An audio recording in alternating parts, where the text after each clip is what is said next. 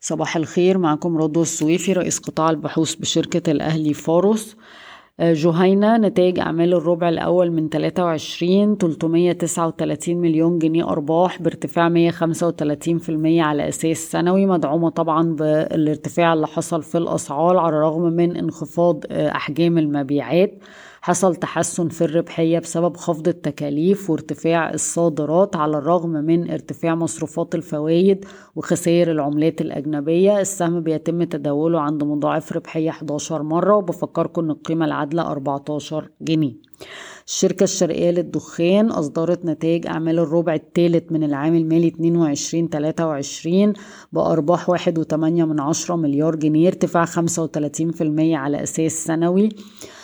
طبعا ده كان مدعوم آه، بإيرادات الفوائد ومكاسب العملات الأجنبية على الرغم من الضغط اللي حصل في الهوامش لأن ارتفاع التكاليف بدأ يظهر على نتائج الأعمال.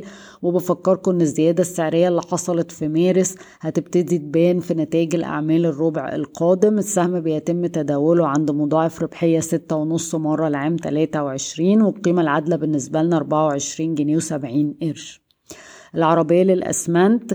صافي الربح الربع الأول من 23 242 مليون جنيه أربع أضعاف العام الماضي. ده نتيجة طبعا لارتفاع أسعار الأسمنت وكمان ارتفاع كبير في الهوامش على الرغم أن الشركة كان عندها خسائر عملات أجنبية 104 مليون جنيه مصري.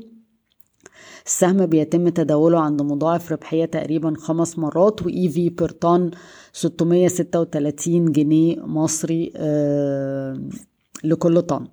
آه، مصر بني سويف آه، للأسمنت سجلت أرباح في الربع الأول من 23 61 مليون جنيه بارتفاع 30% على أساس سنوي بس انخفاض 75% عن الربع اللي فات لأن الربع اللي فات كان مرتفع لأن كان في رد مخصصات 380 مليون جنيه. حصل تحسن في الهوامش بسبب ارتفاع الأسعار والتباطؤ اللي حصل في أسعار الفحم. السهم بيتم تداوله عند مضاعف ربحية 11 مرة ال consortium بتاع سيمنز والسويدي لديه آه، فرصة أكبر للفوز آه، بمناقصة تأهيل محطات الطاقة الكهرومائية في أسوان باستثمارات 41 مليون يورو بعد انسحاب consortium صيني من المنافسة. وزارة الإسكان هتبتدي تعرض مشروعات تحلية المية على القطاع الخاص 29 مشروع ودي هتكون الحزمة الأولى من الخطة المستمرة لحد 2050 Palm Hills حققت مبيعات قوية في الربع الأول من 23 6.8 من عشرة مليار جنيه بارتفاع 22% على أساس سنوي ولكن انخفاض 20% عن الربع اللي فات. آه الأرباح آه كان آه, أسفل الأرباح وصلت 252 مليون جنيه انخفضت 14% عن العام الماضي بسبب ارتفاع حاد في مصروفات التمويل ل 370 مليون جنيه تقريباً. B Investments آه، سجلت نتائج أعمال قوية للربع الأول من 23 331 مليون جنيه وده كان نمو تقريبا 15 ضعف العام الماضي وكان مدعوم آه، بالارتفاع آه، في دخل من المصاريف التمويل أسفة الدخل من العائد التمويلي ومكاسب العملات الأجنبية بسبب بيع Giza Systems آه، في حاجة كمان إن في تقريبا 530 مليون جنيه مكاسب رأس مالية من بيع توتال تم تسجيلها في الاذر كومبريهنسيف انكم ودخلت على حقوق المساهمين بشكل مباشر. وبالتالي آه، كانت الأرباح الإجمالية هتبقى حوالي 861 مليون جنيه.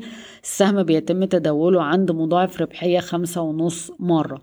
بنك التعمير والإسكان صافي الربح المستقل واحد وثلاثة من عشرة مليار جنيه بارتفاع مية وستين في المية على أساس سنوي مدعوم بقوة الهوامش.